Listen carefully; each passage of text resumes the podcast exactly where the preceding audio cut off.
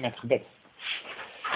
Trouw vader, wij danken u dat we ook vanavond hier weer bij elkaar mogen zijn en dat doen rondom uw woord, vader. Dat profetische woord waarvan Petrus zegt dat het zeer vast is en dat het schijnt als een licht in een duistere plaats. Vader, dank u wel dat u het licht in ons hart heeft aangedaan door het evangelie van de heerlijkheid van Christus. Vader, dank u wel dat we door dat evangelie wat Paulus mocht brengen, verlicht zijn, licht in ons hart hebben, licht in ons leven hebben, uitzicht hebben op een geweldige toekomst. Vader, en u heeft zelfs in uw woord bijzonder voor uw volk gedetailleerd en ook heel nauwkeurig wat tijd betreft aangekondigd wat er gaat gebeuren. Vader, en daar willen we ook vanavond naar kijken. En dat maakt het tot iets wat ons boeit, wat ons aantrekt om te luisteren, om te willen weten wat u gaat doen, hoe u het gaat doen.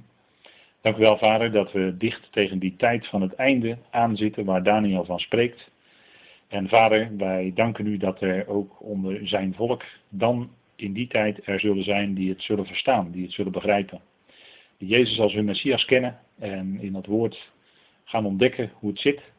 Vader, dank u wel dat we ook ons met uw volk mogen verheugen over de grote verlossing die wacht. Niet alleen voor ons als eersten, maar ook voor uw volk als tweede en uiteindelijk voor alle volkeren, ja vader, voor de hele schepping. We danken u dat u zo'n groot plan heeft ontworpen. Dat u het doet, dat u het uitvoert door uw zoon en dat we ook zo ons daarover mogen verheugen en verblijden. Dank u wel, vader, voor ieder die er is. Dank u wel dat u ook bij hen bent die waar ze niet bij kunnen zijn, wel hadden gewild, maar niet konden. Vader, ook u bent hen erbij. We danken u dat u ons bemoedigt door dat uitzicht wat u geeft. Vader, wilt u ook zo vanavond het leiden? Wilt ons leiden door uw Heilige Geest in het spreken? Geef ons een geopend hart.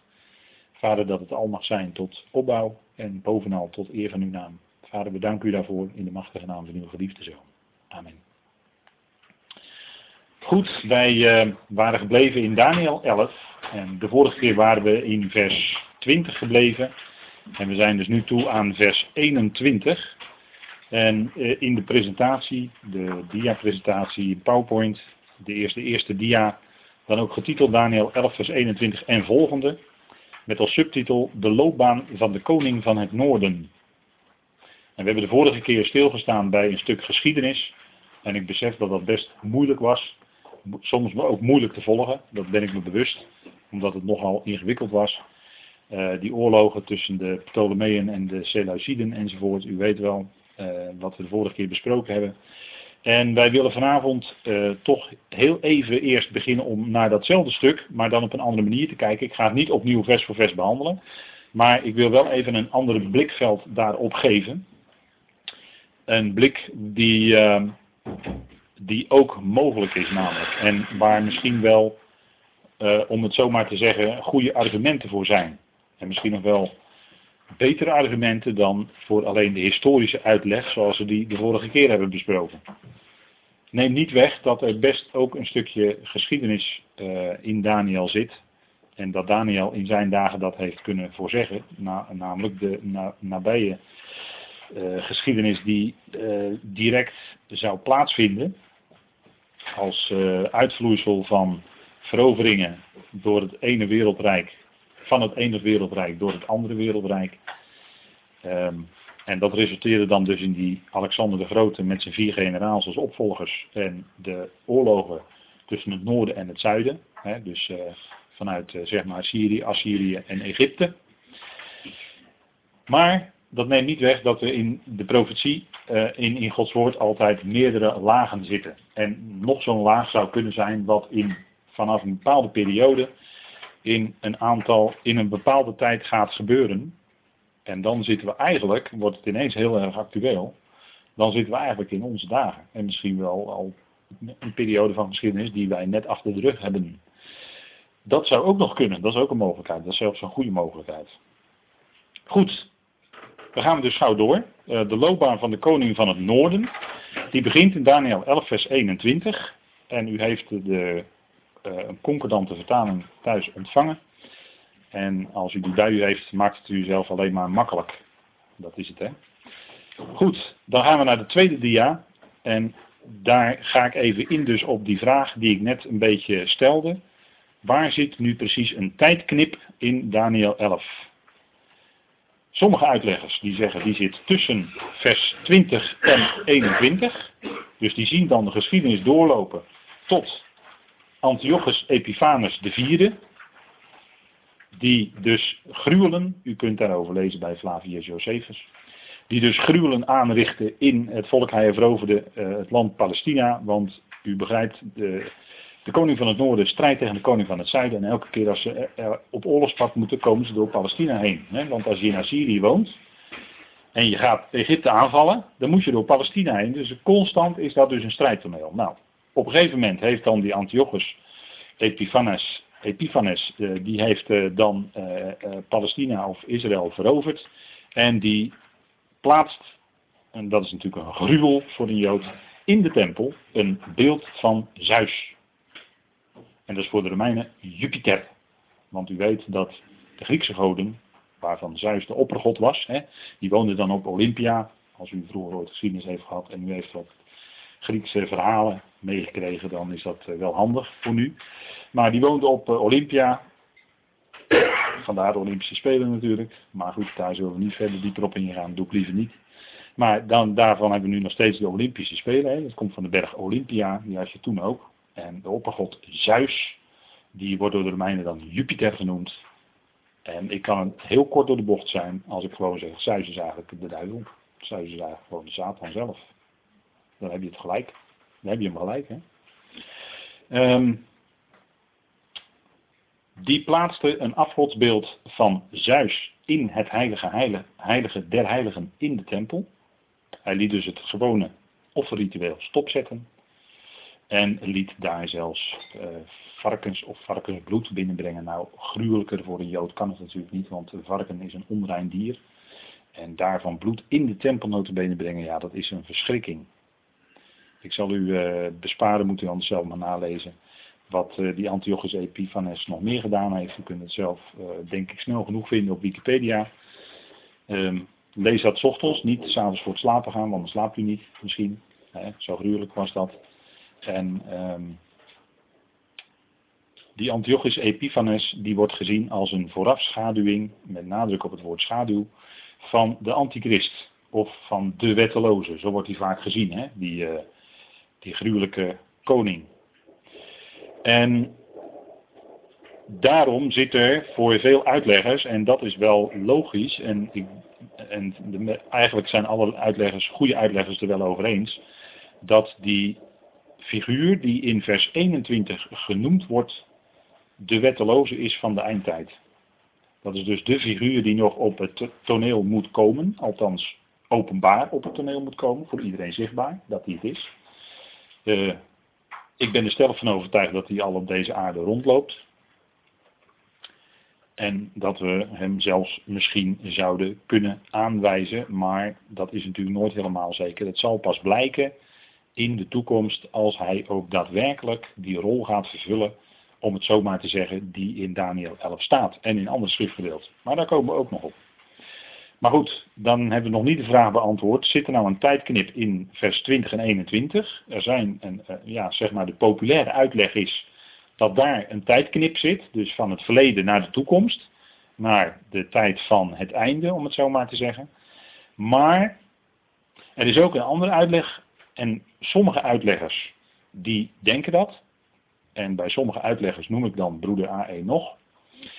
Die denken er heel sterk dat er een tijdknip zit tussen vers 5 en 6. Dus dat we dan van de geschiedenis overgaan naar de tijd van het einde of ontwikkelingen, ontwikkelingen die zullen uitlopen op de komst van de wetteloze in de tijd van het einde. Dus die koningen die we dan hebben op een rijtje, die koningen van het zuiden en van het noorden, die uh, zouden zich dan in onze tijd, eigenlijk onder onze ogen, maar waarschijnlijk zonder dat we het wisten, hebben afgespeeld. Dat kan. Want een sleutelwoord in het boek Daniel, en dat zien we op de derde dia van, uw, van de presentatie, dat is dat Daniel regelmatig spreekt over het einde. En wat is dan het einde? Want de discipelen die vroegen aan de Heer Jezus, wat zal het teken zijn van uw aanwezigheid en van het einde van de Aion. En de discipelen hadden waarschijnlijk toch Daniel gelezen.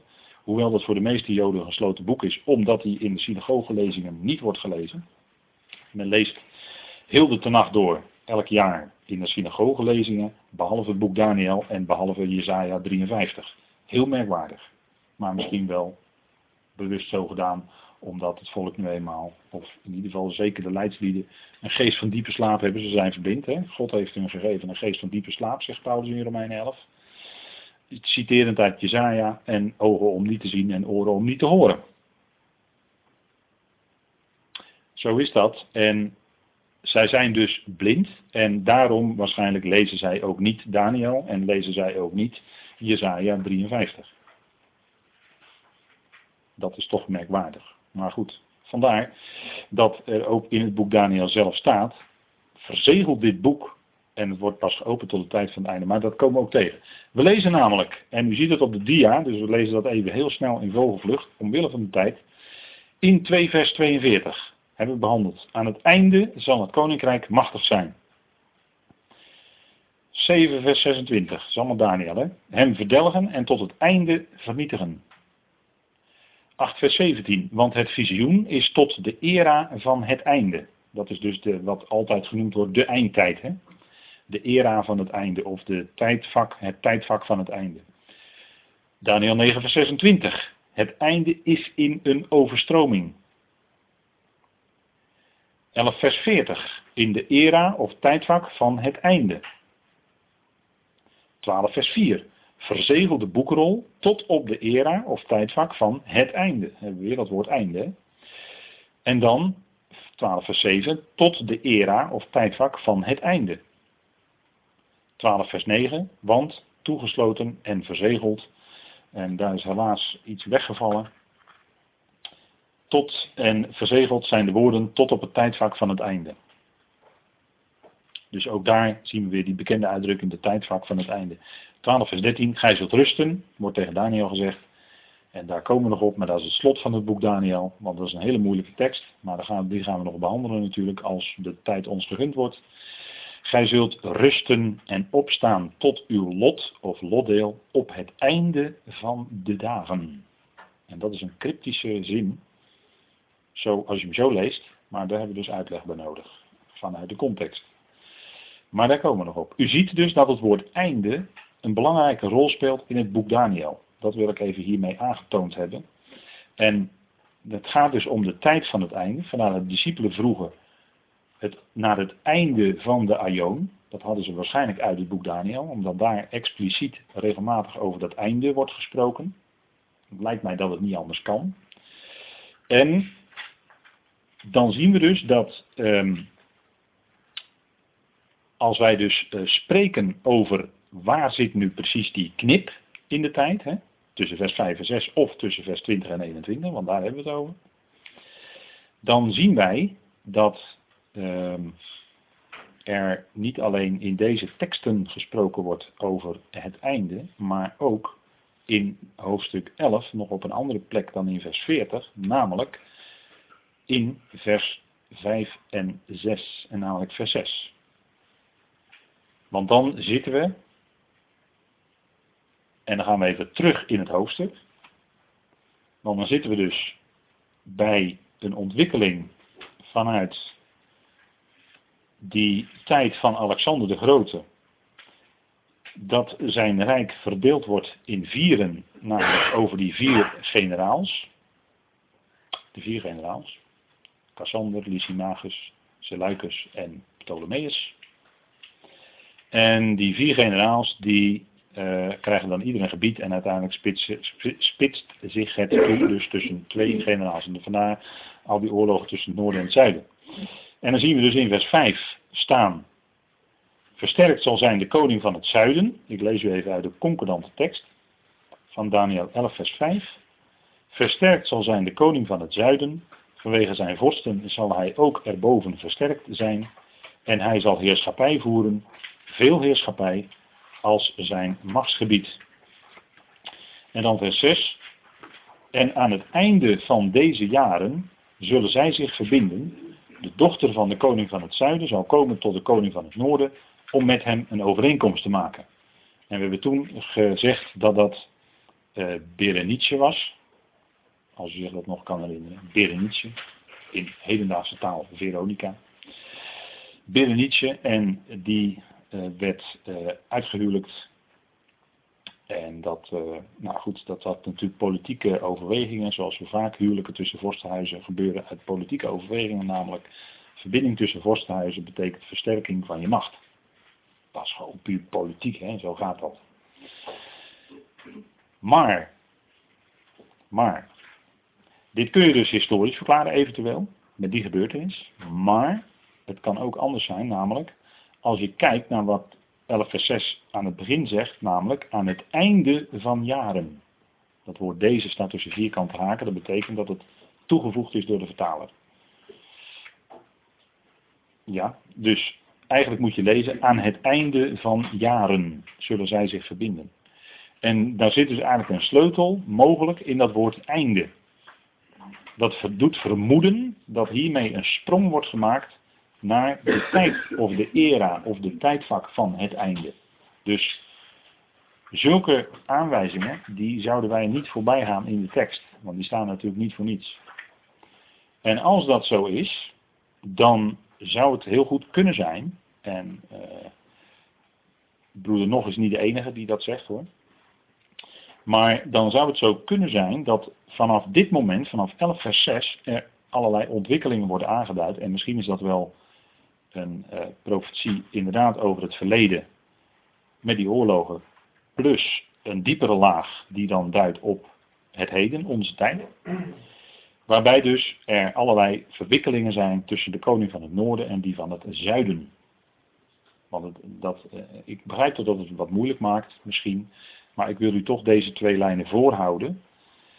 Opdat u voor uzelf erover na kunt denken. En dat er mogelijk aanwijzingen in zitten dat wij uh, in een bepaald punt van de tijd zitten. Maar nogmaals, dat is niet eenvoudig. En dus aan het einde van de jaren zullen zij zich verbinden. Dus daarin wordt gesuggereerd dat je een sprong kunt maken naar de hedendaagse tijd. En dan misschien wel een periode van grofweg ja, wat zou ik zeggen, uh, grofweg uh, teruggerekend ongeveer een jaar of ja, 150 misschien, vanaf nu terug.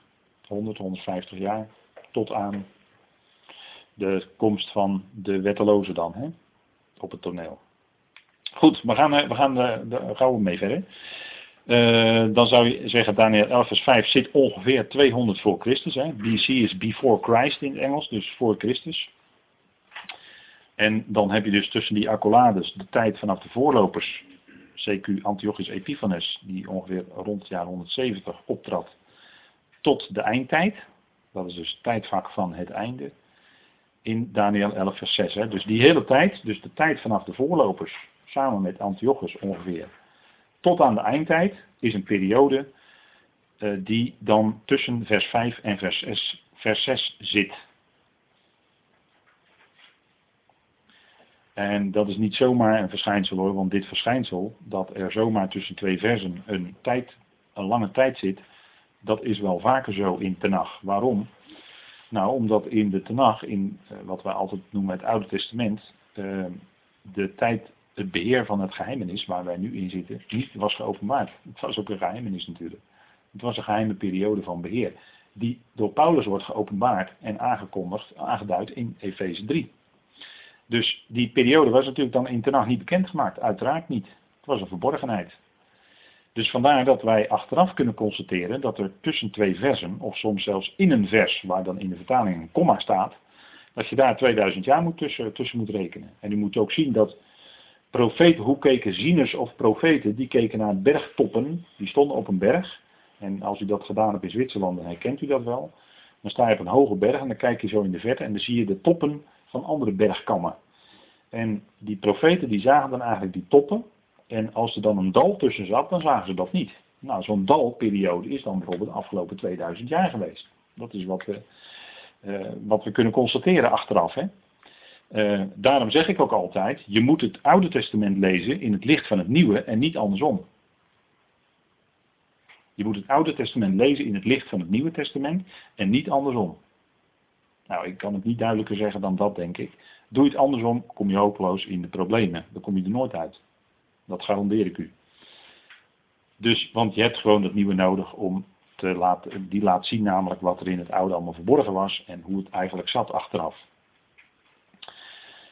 Goed, dan gaan wij verder naar de volgende dia.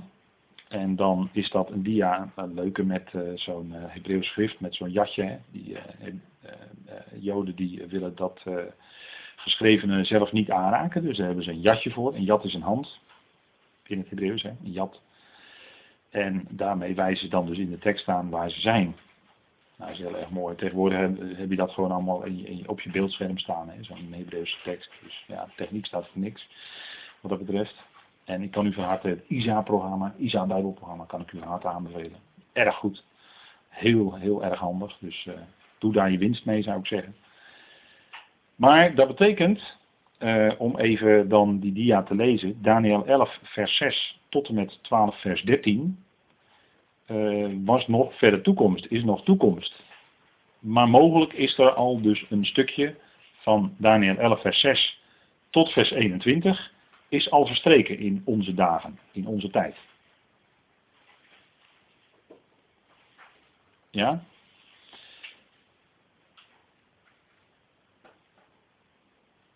En ik denk dat dat toch iets is wat we even goed met elkaar mogen vaststellen. Dat wil ik toch even, die lijn wil ik toch even laten zien. Goed, dan is de volgende vraag, want ook dat is een vraag die je kunt stellen bij de tekst het zuiden, het noorden? Vraagteken. Hoezo het zuiden? Hoezo het noorden? Waar is dat dan? Is het noorden dan Rusland? Wat ze zeggen altijd Mesech en Tubal, weet u wel uit de profetie. Mesech en Tubal, Ezekiel. He, Togarma en, en, noem alles maar op. is dan uh, het noorden of is het noorden misschien toch dichterbij? Ik denk als je Daniel leest, en dat is eigenlijk heel logisch, dat je je moet stellen op het standpunt van een Jood, van een Israëliet, in Israël, in Palestina.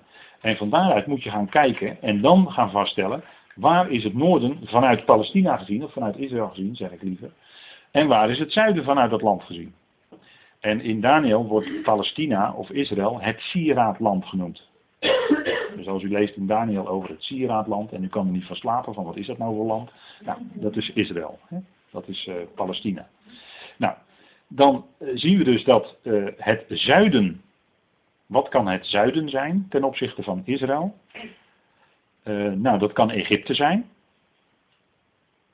Maar wees voorzichtig, het woord zuiden in het Hebreeuws is Negev. Nou, dat weet u wel, hè? Negev.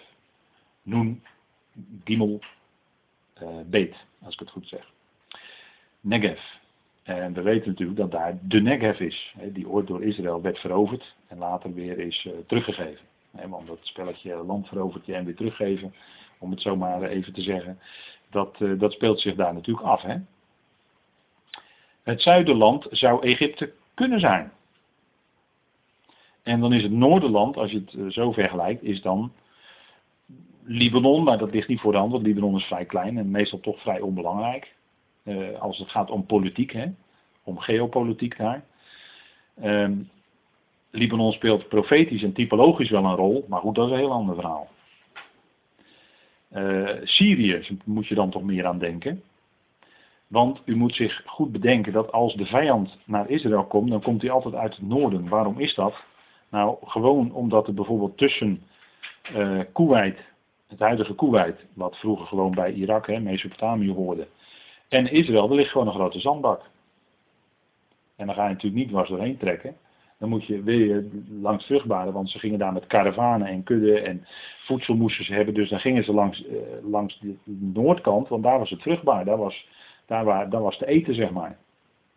En in die zandbak, ja, dat is onherbergzaam. Er wonen een aantal Bedouinen en nomadenstammen enzovoort. Die, uh, maar goed, als je daar met je legertje doorheen trekt, ja, dan overleef je het natuurlijk niet. Want de leger is afhankelijk van toevoer, hè, van voedseltoevoer. Vraagt u maar aan Napoleon, hè, die naar Rusland ging. Vraagt u maar aan Hitler, die naar Rusland ging. Dat was allemaal omdat ze geen voedsel hadden, verloren ze de strijd daar. Om Moskou en om Stalingrad en Leningrad enzovoort. En Stalingrad was het bij Hitler. Dat was het keerpunt, ja. Maar goed, dat was allemaal omdat die legers in de winter hadden ze geen toevoer van voedsel. Dus ja, die verhongerden.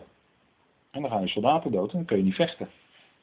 Dus je moet niet door die zandbak heen trekken, want dan komen je soldaten om van je leger. Dus ze trokken allemaal langs het noorden als ze Israël wilden binnenvallen. Of Egypte desgewenst, hè, dan trokken ze door Israël heen. En, en vandaar dat als er een strijd werd uitgevochten tussen het noorden en het zuiden, was bijvoorbeeld de vlakte van Megiddo, die dus ook in de eindtijd een rol gaat spelen, was daar, eh, is daar een geschikte plaats om, om een slag te leveren, hè, een slagveld. Wat? Ja, Megiddo ligt in Palestina. Dat, Palestina is dat kleine roze gebiedje daar aan de zee. Dat is te, te klein om. Ja, ligt een beetje in het midden van. Ja, dank je Wouter. Ja, ligt een beetje in het midden van, van, van Israël. En um, ja, het noorden is dan eigenlijk bijna vanzelfsprekend Syrië, CQ Irak. Um, de vijand komt altijd uit het noorden, wordt nooit in de Bijbel gezegd dat hij van het oosten komt. En dat is dus de verklaring die ik net noemde. Ze moeten langs het noorden binnentrekken. Maar als je vanuit Israël kijkt, dan zou je ook kunnen zeggen dat het zuiden Saoedi-Arabië is. Het oude Midian, weet u wel? Dat is Saoedi-Arabië. Dat is vroeger Midian, Jethro, hè? Schoonvader van Mozes. Ja, dat was een priester in Midian. En Midian is Saoedi-Arabië. En daar ligt ook de Sinaï, hè? In Saoedi-Arabië. Dat ligt niet in de Negev, maar dat ligt in Saudi-Arabië, in Sinaï. Daar werd de wet gegeven, weet u wel, de, de, de tien woorden. Maar dat is dus het zuiden ten opzichte van Israël. Dus we moeten even voorzichtig zijn. Als wij dus nadenken over de koning van het noorden, die ruzie heeft met de koning van het zuiden, moeten wij voorzichtig zijn om vast te stellen wie dat is. Dat zul je dan toch uit contexten moeten opmaken. En dat is in Daniel 11 geweldig moeilijk. Zal ik gelijk, gelijk erbij zeggen. Dat is geweldig moeilijk. U ziet het hier op het kaartje. Het kaartje is duidelijk. U kunt zien uh, het noorden en het zuiden. Ja. Is toch een moeilijke zaak. Kijk, het zuiden is het Egypte, het noorden Syrië. Of is het zuiden Saoedi-Arabië en het noorden Jordanië slash Syrië. Dat kan.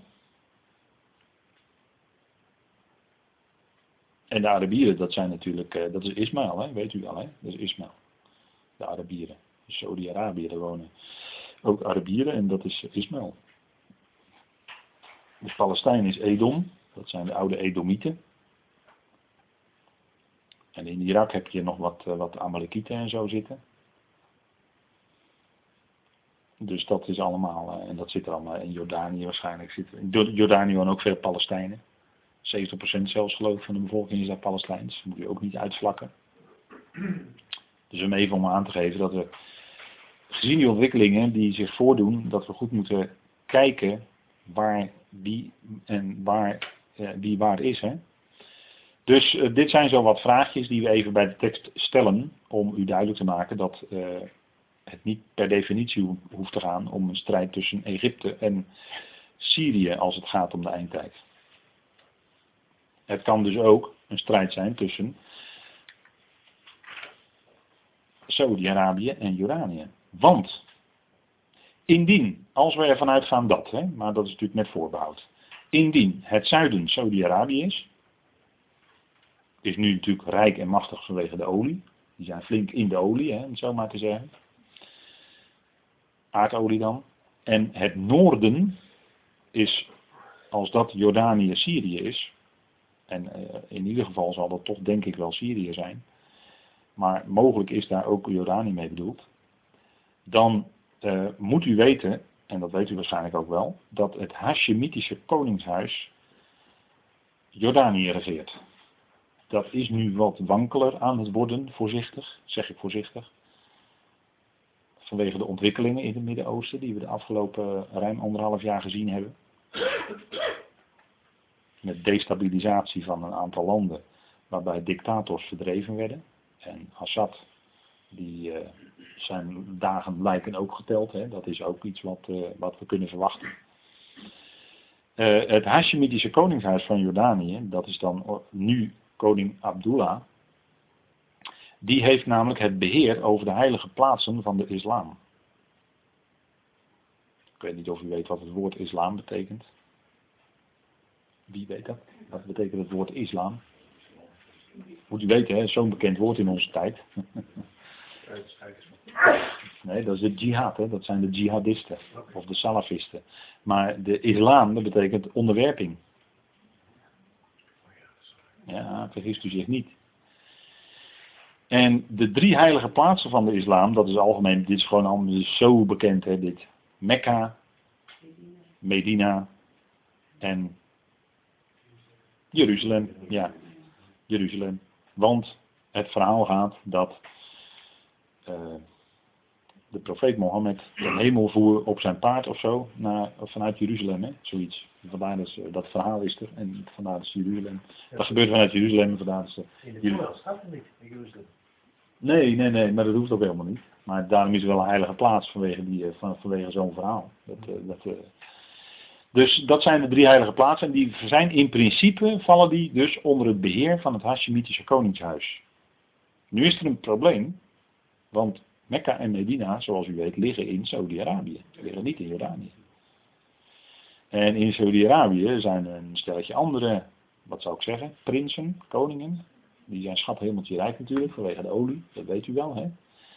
En die, uh, die hebben dus in feite, ja, het ligt in Saudi-Arabië, dus het valt onder hun politieke uh, beslag, zeg maar. En het Hashemitisch Koningshuis heeft in feite van oudsher dus het beheer over die heilige plaatsen. Dus daar ligt natuurlijk een wortel van wat een conflict zou kunnen opleveren. En uh, Jeruzalem, dat is natuurlijk een andere zaak, maar die, die, die zogenaamde gouden koepel op die, uh, op die Dome of the Rock, dat, die is ook daar, dat, dat, die goud is ook opgemaakt, dat is bladgoud hoor, dus niet cijfergoud, maar dat is wel gefinancierd door het Hashemitische Koningshuis om het maar even aan te geven dan. Hè, dat, u dat, uh, dat, dat zij daar dus wel uh, dat zien als hun uh, plaats. Als wij dus doorgaan in die gedachte, met voorbehoud zeg ik dat, dan zou Daniel 11 vers 20 kunnen spreken, Daniel 11 vers 6 tot en met 20 kunnen spreken over verwikkelingen tussen Saoedi-Arabië en Jordanië. Dat zou kunnen.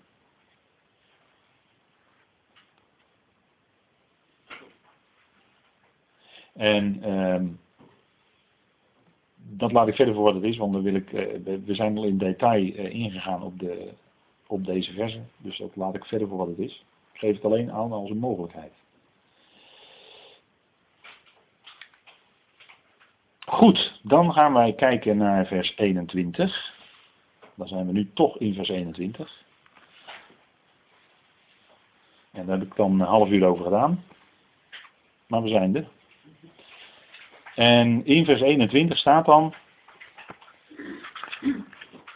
in zijn plaats, en dat is een, op zich een opmerking die we ook niet, we, we lezen eraan voorbij, want we willen graag weten wat er gebeurt. En dan lezen we aan zo'n mededeling lezen voorbij. Maar dat is weer eentje waar je dus niet aan voorbij moet lezen. Moet je nooit doen met Gods woord. Uh, in zijn plaats, en die opmerking, of die uitdrukking komen wij ook tegen, of je kunt het ook vertalen met op zijn post komen wij ook tegen in vers 7.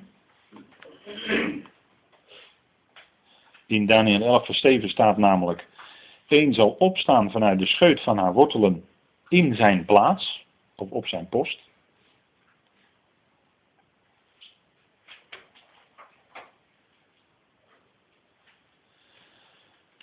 En we vinden in vers 20 ook die uitdrukking in zijn plaats zal opstaan uit zijn wortel een koninklijke spruit. Die een afperser door de binnenkamer van de koninkrijk doet trekken. Hadden we het vorige keer de op laatste over, dat is die belastingambtenaar hè, die rondgaat door het, uh, door het uh, Rijk om uh, belastingen te heffen. En die daardoor zich ook machtig begon te voelen. Maar goed, dat, hoe dat precies zit, dat, dat laten we even verder voor wat het is.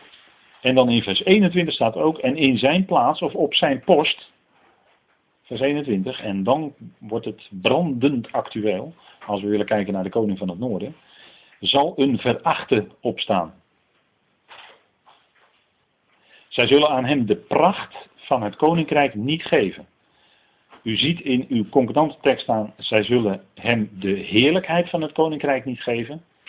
Ja, helaas, dat vond ik toch, misschien ben ik erg eigenwijs maar ik vond dat toch niet helemaal echt correct. Dus het is eerder de pracht van het koninkrijk. De heerlijkheid, dat zit er wel dichtbij, maar dat is het toch niet vanuit het Hebreeuws. Dus vandaar. Zij zullen hem de pracht van het koninkrijk niet geven. Dus het is een figuur, om het zo maar te zeggen, vandaar het woord verachten. Het is dus een figuur aan wie men niet direct de heerschappij en de, uh, laten we zeggen, de, de, de glans zal toedichten om zo'n groot leider te worden. Dus hij is nog een beetje op de achtergrond. Maar hij weet, en het is eigenlijk een, soort diplomaat, hè?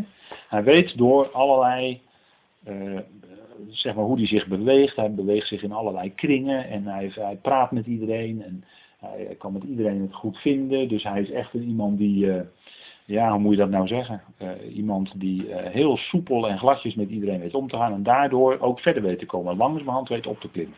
Zo iemand is dat. Ja, vandaar het woord, hè, in, in uw vertaling of in de concordante tekst staat ook het woord gladdigheden. Uh, daar, op dat woord ga ik nog dieper in, want dat is een belangrijk woord. Omdat het hem kenmerkt namelijk, hè, die figuur. De koning van het noorden. Dus dat is die in vers 21 wordt genoemd. een, een verachte. En hier eigenlijk eh, erkennen toch eigenlijk de meeste grondige uitleggers van Daniel wel dat het hier moet gaan om degene die op het wereldtoneel gaat komen als de wetteloze. Zij wijzen hem toch eigenlijk vrij allemaal wel unaniem aan. En hij is daaraan herkenbaar. Dus er zal een verachter opstaan, zij zullen aan hem de pracht van het koninkrijk niet geven.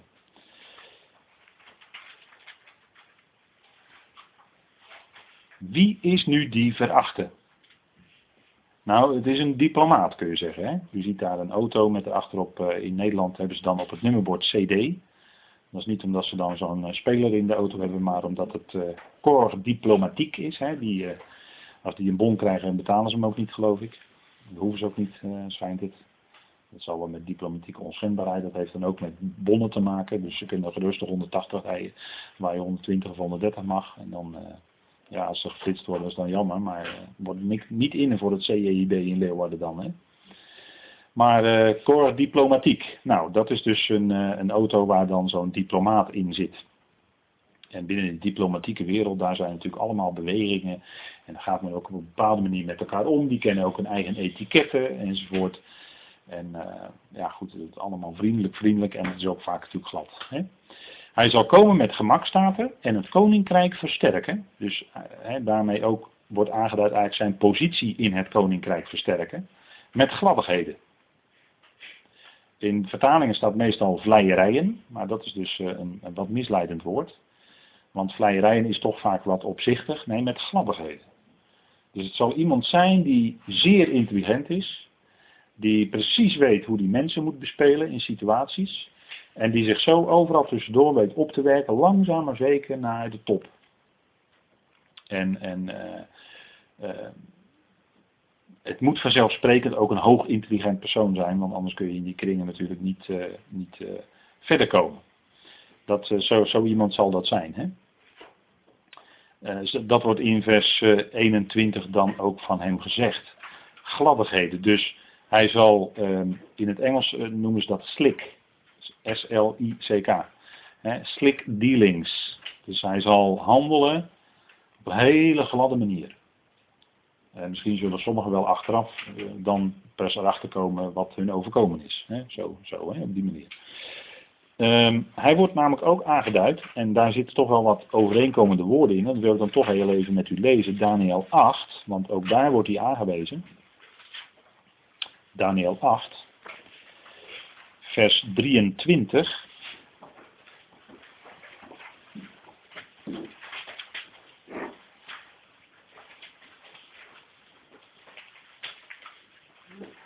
Daniel 8, vers 23. En daar staat aan het einde van hun koningschap, dat is dus, dan zitten dus eigenlijk weer in hetzelfde stramien, hè? die vier generaals, die worden in vers 22 genoemd. En dan aan het einde van hun koningschap, let op het woordje einde ook weer, hè? Wanneer de afvalligen de maat hebben volgemaakt, zal er een meedogenloze koning opstaan, bedreven in slinkse streken. En eigenlijk staat er dan, want de, de herzieners hebben daar zelf al een sterretje bij gezet. Eigenlijk staat er dan, het zal een koning zijn sterk van aangezicht of sterk van aanwezigheid. En hij verstaat of heeft inzicht in problemen. Dus hij zal inzicht hebben hoe bepaalde problemen opgelost worden of moeten worden. Vandaar slinkse streken hè, in de vertaling. Hij is bedreven in flinkse, slinkse streken. Zijn kracht zal groot worden, maar niet door zijn eigen kracht. Want hij zal natuurlijk eh, begeesterd worden door een geest van de tegenstander afkomstig. Dus dat zal ook mede zijn kracht zijn. Op wonderlijke wijze zal hij verderf aanrichten of ruïneren. Het zal hem gelukken. En hij zal het doen. Let op het woordje doen. Het zal dus een man zijn, niet alleen van woorden, maar ook van daden. Hij zal ook dingen doen. Hij zal ook dingen effectueren. Hij zal dingen effectief maken. Hij zal dingen ten uitvoer leggen. Daadwerkelijk. Kijk, in de politiek wordt natuurlijk heel veel gepraat. Heel veel. Maar of die woorden allemaal werkelijkheid worden, dat is nog maar zeer de vraag. we hebben net weer verkiezingen gehad. En u weet wat er daarna gebeurd is. Ja, nou, dus zo werkt de politiek. Allemaal mooie woorden. We gaan dit doen en we gaan dat doen en we gaan, uh, we gaan opkomen voor die en we gaan een zus doen. En dan als de verkiezingen geweest zijn en ze hebben de overwinning behaald, dan uh, komt er uit de hoge hoed uh, vaak heel wat anders. Dat is meestal achteraf, maar je kan er gewoon op wachten. In de verkiezingstijden zit ik meestal te luisteren en denk van ja, dat zeggen ze nu allemaal. Maar ik ga straks kijken wat er nou echt van komt. Hè. Ja, goed, nou oké. Goed, dus hij heeft niet alleen, hè, hij zal niet alleen uh, goede woorden spreken, mooie woorden spreken waaruit inzicht blijkt, maar hij zal ook doen. Dat blijkt hier, hè. En dat blijkt ook in Daniel 11. Dus dat kun je naast elkaar leggen. Je moet altijd schrift met schrift vergelijken, zeggen we altijd. Nou, dat doen we dan nu ook. En in vers 25 zien we dan dat door zijn sluwheid, of eigenlijk intelligentie, hè, maar hoogintelligente mensen, ja, die, die kunnen soms dan ook net een tikje sluwer zijn dan de rest. En dan staat en zal hij het bedrog, let op het woord bedrog, onder zijn hand of in zijn hand doen slagen. Hij zal zich in zijn hart verheffen, dus aan de buitenkant zou je het niet zien aan hem, maar in zijn hart zit het wel. En dat is natuurlijk een bekend gegeven. En met gemak, dus met gemak, hè, dus dat is weer dat, dat gladde, dat, dat uh, gemakkelijke, zal hij velen te gronden richten. Ja, tegen de vorst der vorsten zal hij opstaan. En ja, dan, dan is natuurlijk zijn, uh, zijn, dat is zijn hoogtepunt, maar tegelijkertijd wordt dat ook zijn val natuurlijk. Als hij tegen de vorst der vorsten, dat is de Heer Jezus Christus, als hij tegen die zal opstaan, dan luidt dat tegelijkertijd zijn val ook in. Hè? Dat kan niet anders. Want dan staat er, en in het uiterste van zijn hand, of eh, maar zonder mensenhand, zal hij gebroken worden. En zoiets staat ook in Jezaja 13. Ik geef het maar even mee. Dus de, deze tekst leggen we even aan tegen Daniel 11 vers 21 en dan zien we toch bepaalde overeenkomsten. En dan zien we toch dat het over diezelfde figuur gaat. Goed, dan gaan wij verder uh, over het woord gladdigheden. Dat wil zeggen glad handelen. Hè? Um, ja, ik, ik, ben toch, ik heb toch even gedacht over dat woord en ik denk dat het goed is om daar toch even wat dieper op in te gaan, omdat dat uh, hem zo kenmerkt. Hè? Zodat we die figuur uh, heel misschien, dat we daar toch wat contouren van kunnen zien. Maar goed, dat zeg heel voorzichtig. Gladdigheden, nou dat wil zeggen, hij zal glad handelen. Het Engelse slick dealings.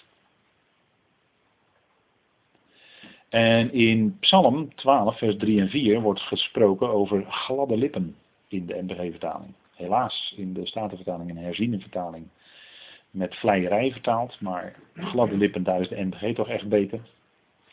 Uh, want daar wordt hetzelfde woord gebruikt als in Daniel 11.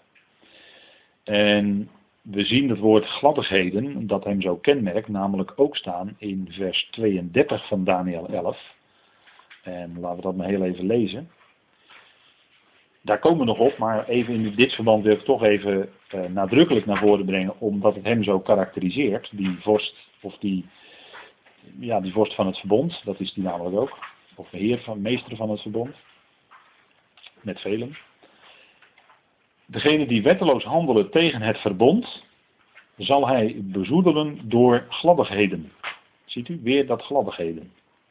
En dat zal op dat moment zal hij dat doen, omdat het hem dan te pas komt. Omdat het, eh, laten we zeggen, in zijn plannetje past.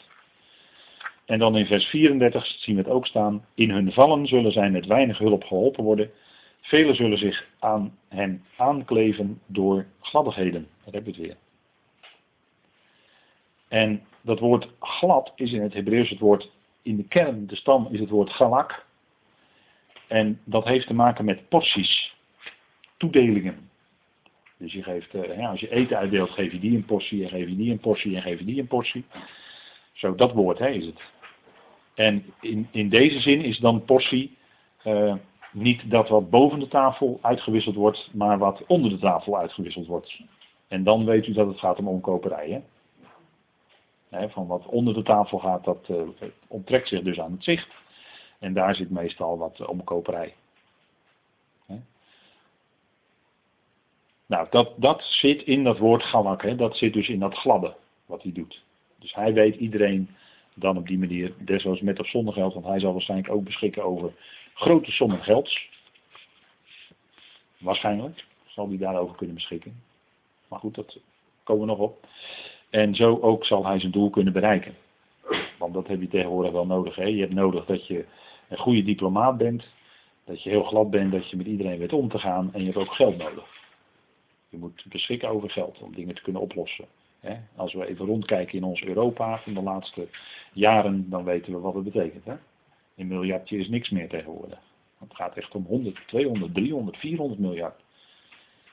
Met, met zaken als centrale banken die staatsobligaties opkopen. En dat soort zaken. Nou, dat gaat tegenwoordig niet meer eh, met een miljoentje hoor. Dat gaat met miljarden tegelijk. In Amerika helemaal. Dat is helemaal astronomische bedragen. Maar goed, geld wordt natuurlijk ook vaak gebruikt voor omkoperij. En dat mogen duidelijk zijn. Dus porties, dat heeft te maken met het woord glad. En dat gaat natuurlijk uiteindelijk allemaal hierom. De profetie van Daniel is over uw volk, zegt eh, de boodschapper tegen Daniel.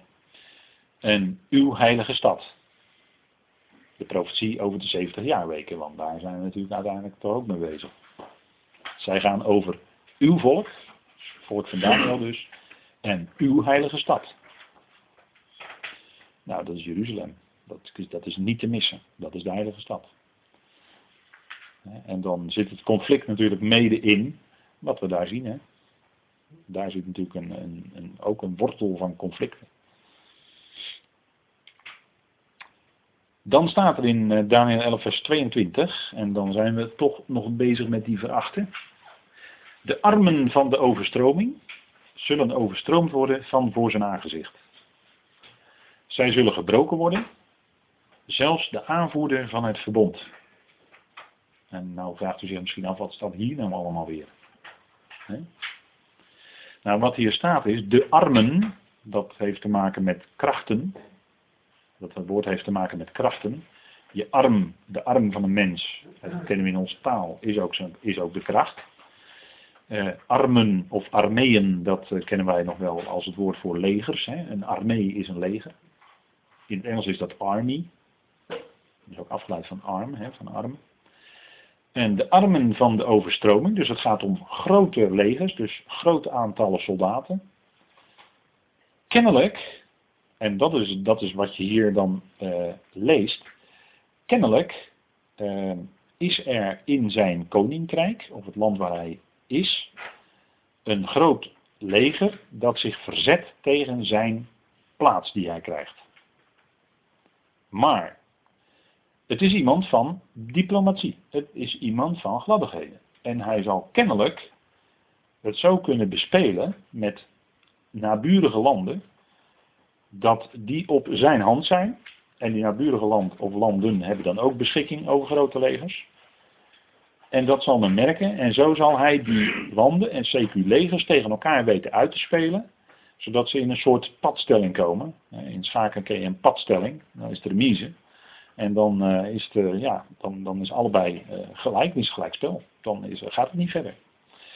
Um, en, zo zal hij dat weten te bespelen. Dat, dat hij dus zeg maar grootmachten, of in ieder geval landen met grote legers, hè, omdat hij intern wordt tegengewerkt, zal hij als het ware extern andere legers als het ware dat land achter zich kunnen krijgen, waardoor dat leger in zijn land het niet zal wagen om zich nog tegen hem te verzetten.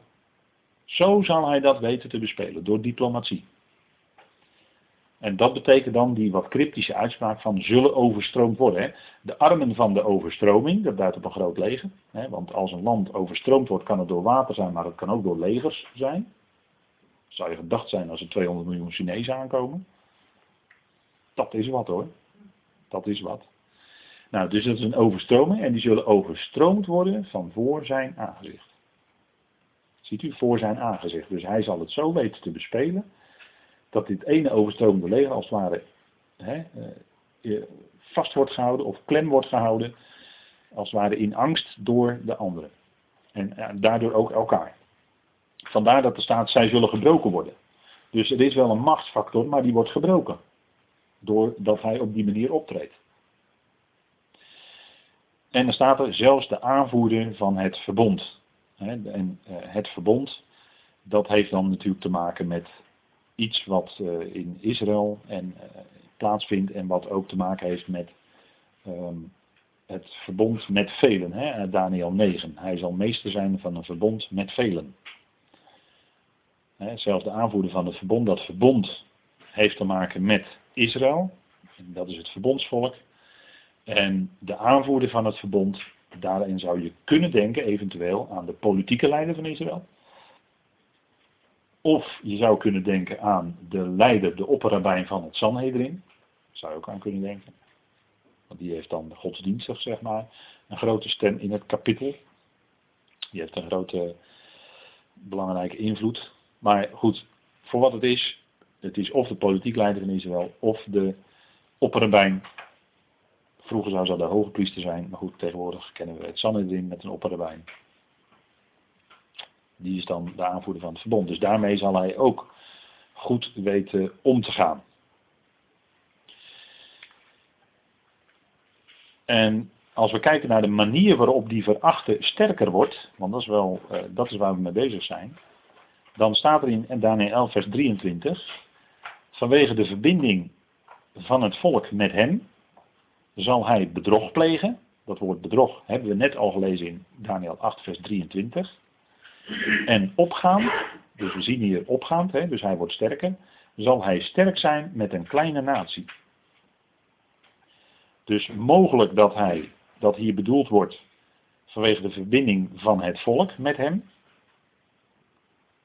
Dat zou kunnen duiden op het land waar hij is. Het zou misschien in het licht van het vorige vers wat we net gelezen hebben, het verbond, zou dat met Israël te maken kunnen hebben. Zou die ook een band met Israël kunnen hebben en daardoor invloed hebben in het Midden-Oosten, omdat Israël natuurlijk uh, eigenlijk qua wapens uh, nog steeds het sterkste land is daar. En opgaan zal hij sterk zijn met een kleine natie. Dus hij zal als het ware een kleine natie achter zich hebben. Mogelijk, maar ik zeg daarbij heel voorzichtig, mogelijk zou dat het Palestijnse volk kunnen zijn. Maar dan moet u even in uw achterhoofd houden dat 70% van Jordanië Palestijns is. Dan bedoel ik dus niet het Palestijnse volk direct in de Gazastrook, in Israël. Maar dan bedoel ik eigenlijk wat breder. En dat is op zich qua hoeveelheid een kleine natie vergeleken bij die andere volkeren daar in het Midden-Oosten. Maar goed, ik geef het maar mee ter overweging. Het zou zo kunnen zijn dat. Dan gaan we nog even verder kijken naar de manier waarop hij sterker wordt. En dan staat er met gemak, en dat zo'n soort woord kwamen we ook tegen in Daniel 8, met gemak.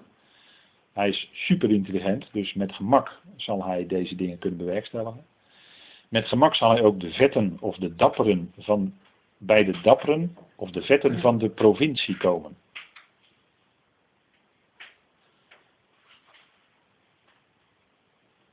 Hij zal doen wat zijn vaders niet gedaan hebben en de vaders van zijn vaders.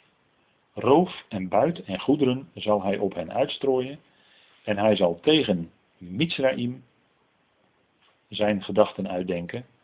Zelfs een verdere era. Dus kennelijk, hè, er zit nogal wat weerstand kennelijk in dat zuiden. En dan doet hij iets wat eh, men daar eigenlijk niet zo verwacht. Kijk, we hebben natuurlijk een periode gekend van, laten we zeggen, in het Midden-Oosten dictators. En dictators die doen niet zo, hè, die delen niet uit, maar die doen zo. Hè, die, eh, die, die eh, strijken alles naar zich toe, in plaats van dat ze aan het volk geven. Dat is meestal bij dictators zo. Hè. En hier doet hij dus iets wat, waardoor hij zich dus populair wil maken, want roof, buit en goederen zal hij uitstrooien. Dus hij gaat als het ware uitdelen aan, aan de bevolking. En daardoor maakt hij zich ook sterker en populairder. En dan staat er, en hij zal tegen Mitsraim.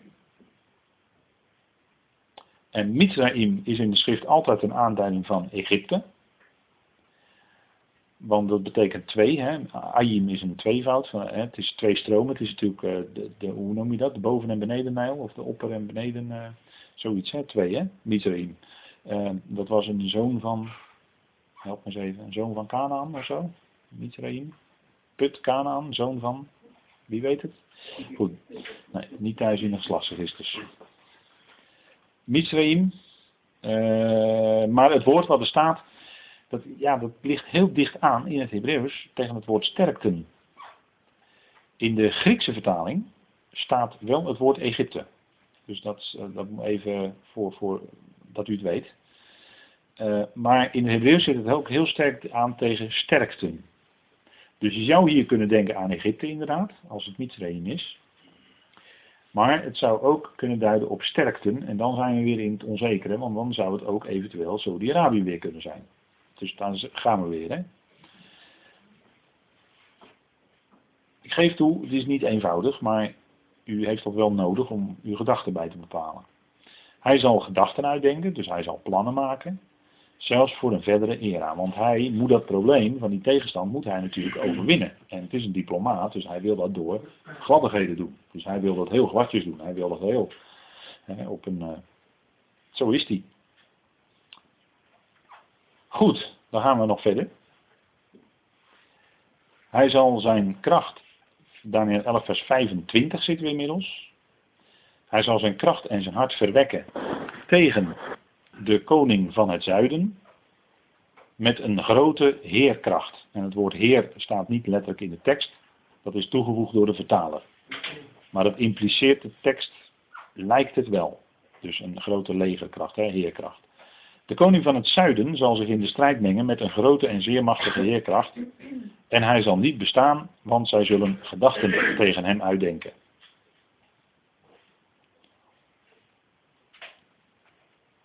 En we zien hier op deze foto's rechts uh, Abdullah van Saoedi-Arabië, een van de prinsen daar. Abdullah ibn, dus dat betekent zoon van en nog wat, dat ben ik even kwijt. En links, op de linkerfoto, ziet u onze koningin met in het midden koning Abdullah II van Jordanië met zijn echtgenote. En u ziet dus dat op dat niveau er dus ook ontmoetingen zijn. Uh, Nederland heeft natuurlijk al lange tijd een goede band met Jordanië. En uh, daar zijn natuurlijk diverse ontmoetingen. Vroeger had je natuurlijk die uh, koning Hussein hè, met koningin Noor, die dan hier wel eens op bezoek kwam of andersom. Nou, tegenwoordig is dat dus koning Abdullah II, die ook hier dan waarvoor dan ook de rode loper wordt uitgelegd. En dat is natuurlijk niet alleen om leuke ontmoetingen met elkaar te hebben, maar het heeft ook heel veel te maken met de handel. Want de koningin gaat altijd met een handelsdelegatie op pad, hè? dat weet u wel, hè? handel. We zijn koopman en dominee in Nederland, met nadruk op koopman tegenwoordig. Toch? Of uh, ja, ja, die een aantal mensen glimlachen. Dus het zal wel zo zijn als ik dat zo zeg. Maar goed, deze mensen, die, uh, als die, als we dus doorgaan in de lijn van het Hashemitische koningshuis, dat is dus die koning Abdullah, op de linkerfoto, dan um, ziet u dat dit dus belangrijke politieke figuren zijn in het Midden-Oosten. En dat zijn ze ook natuurlijk. Want ze zitten daar vlakbij Israël. En we hebben daar te maken met eh, ja, toch eh, invloedrijke machten daar. Die bij, nu niet, maar die kunnen in de toekomst wel een bedreiging voor Israël gaan vormen. Hè? Dat, dat ligt daar heel dicht om de hoek, om het zo maar te zeggen. Dus dat zou zomaar eventueel kunnen zijn. De koning van het noorden en de koning van het zuiden.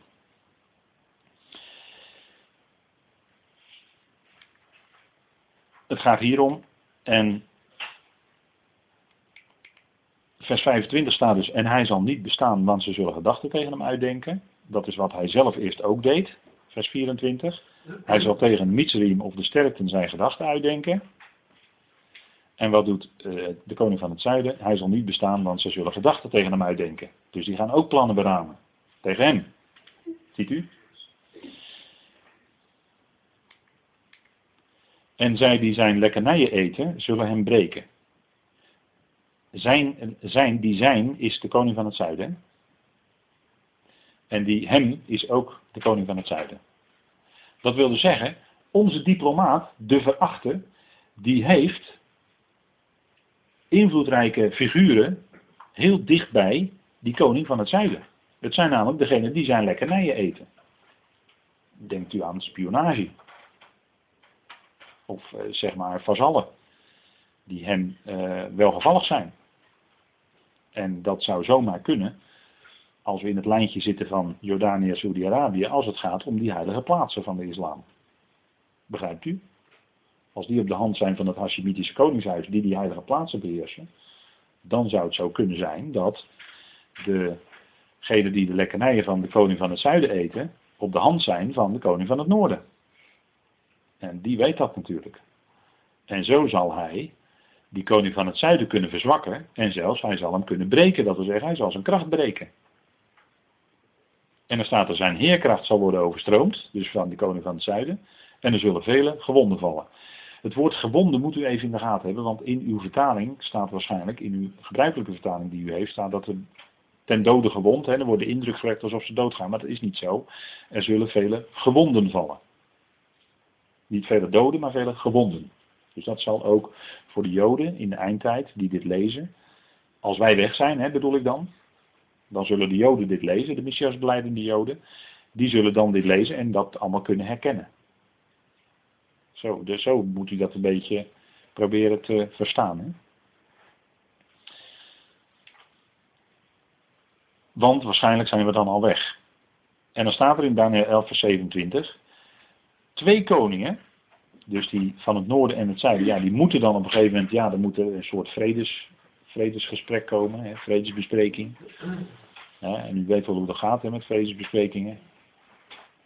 U weet hoe dat gaat, hè, vredesbesprekingen. Dan praten ze aan een grote tafel praten ze allemaal met elkaar. En in de achterkamertjes wordt het beslist. Zo gaat dat, hè. Nou, twee koningen met kwaad in hun harten zullen aan één tafel, en dan is er ingevoerd door de vertaler gezeten. U ziet dat tussen vierkante haken staan, dus het staat er niet echt. Leugen spreken, wat geen succes zal hebben, want nog toekomstig is het einde op de aangewezen tijd. Dus ze zullen allebei kwaad in het hart hebben. Ze zullen met elkaar dus leugens spreken. Dat is politiek, hè? Dat is politiek.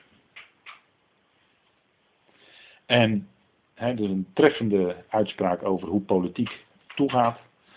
En het zal geen succes hebben, want nog, nog toekomstig is het einde op de aangewezen tijd. Dus het is nog niet de tijd van het einde, dus ze zullen nog niet tot een eenheid kunnen komen en kennelijk zal de koning van het noorden nu nog even niet de overhand kunnen krijgen, helemaal, omdat het nog niet de juiste tijd daarvoor is. En die tijd is natuurlijk door God bepaald. Dus vandaar. Dus dat zal gaan gebeuren. Hè. Ze zullen dan aan tafel gaan zitten. Dit is overigens uh, links, ziet u uh, koning Mohammed VI van Marokko in gesprek met uh, de Abdullah, een van de Abdullahs van Saudi-Arabië. Dit zijn zo van die gesprekken die daar allemaal plaatsvinden. Hè? De ene is natuurlijk zo'n sheik met zo'n aparte kledij en de andere keurig in maatpak, westers gekleed. Maar goed, zo gaat het toe. Hè? Dan spreken ze met elkaar, maar ja goed, ze praten Arabisch en ook Arabische woorden die zijn vaak voor meerderlei uitleg vatbaar. Dus ja, Ja, maar je zei toen dat. Nee, maar ik bedoelde eigenlijk dat met dat woord. Ja, zo, zo gaat dat, hè. En dat is nog toekomstig op het einde op de aangewezen tijd. Nou, ik vind het nu even de aangewezen tijd om te gaan pauzeren. Dan gaan we straks verder met elkaar.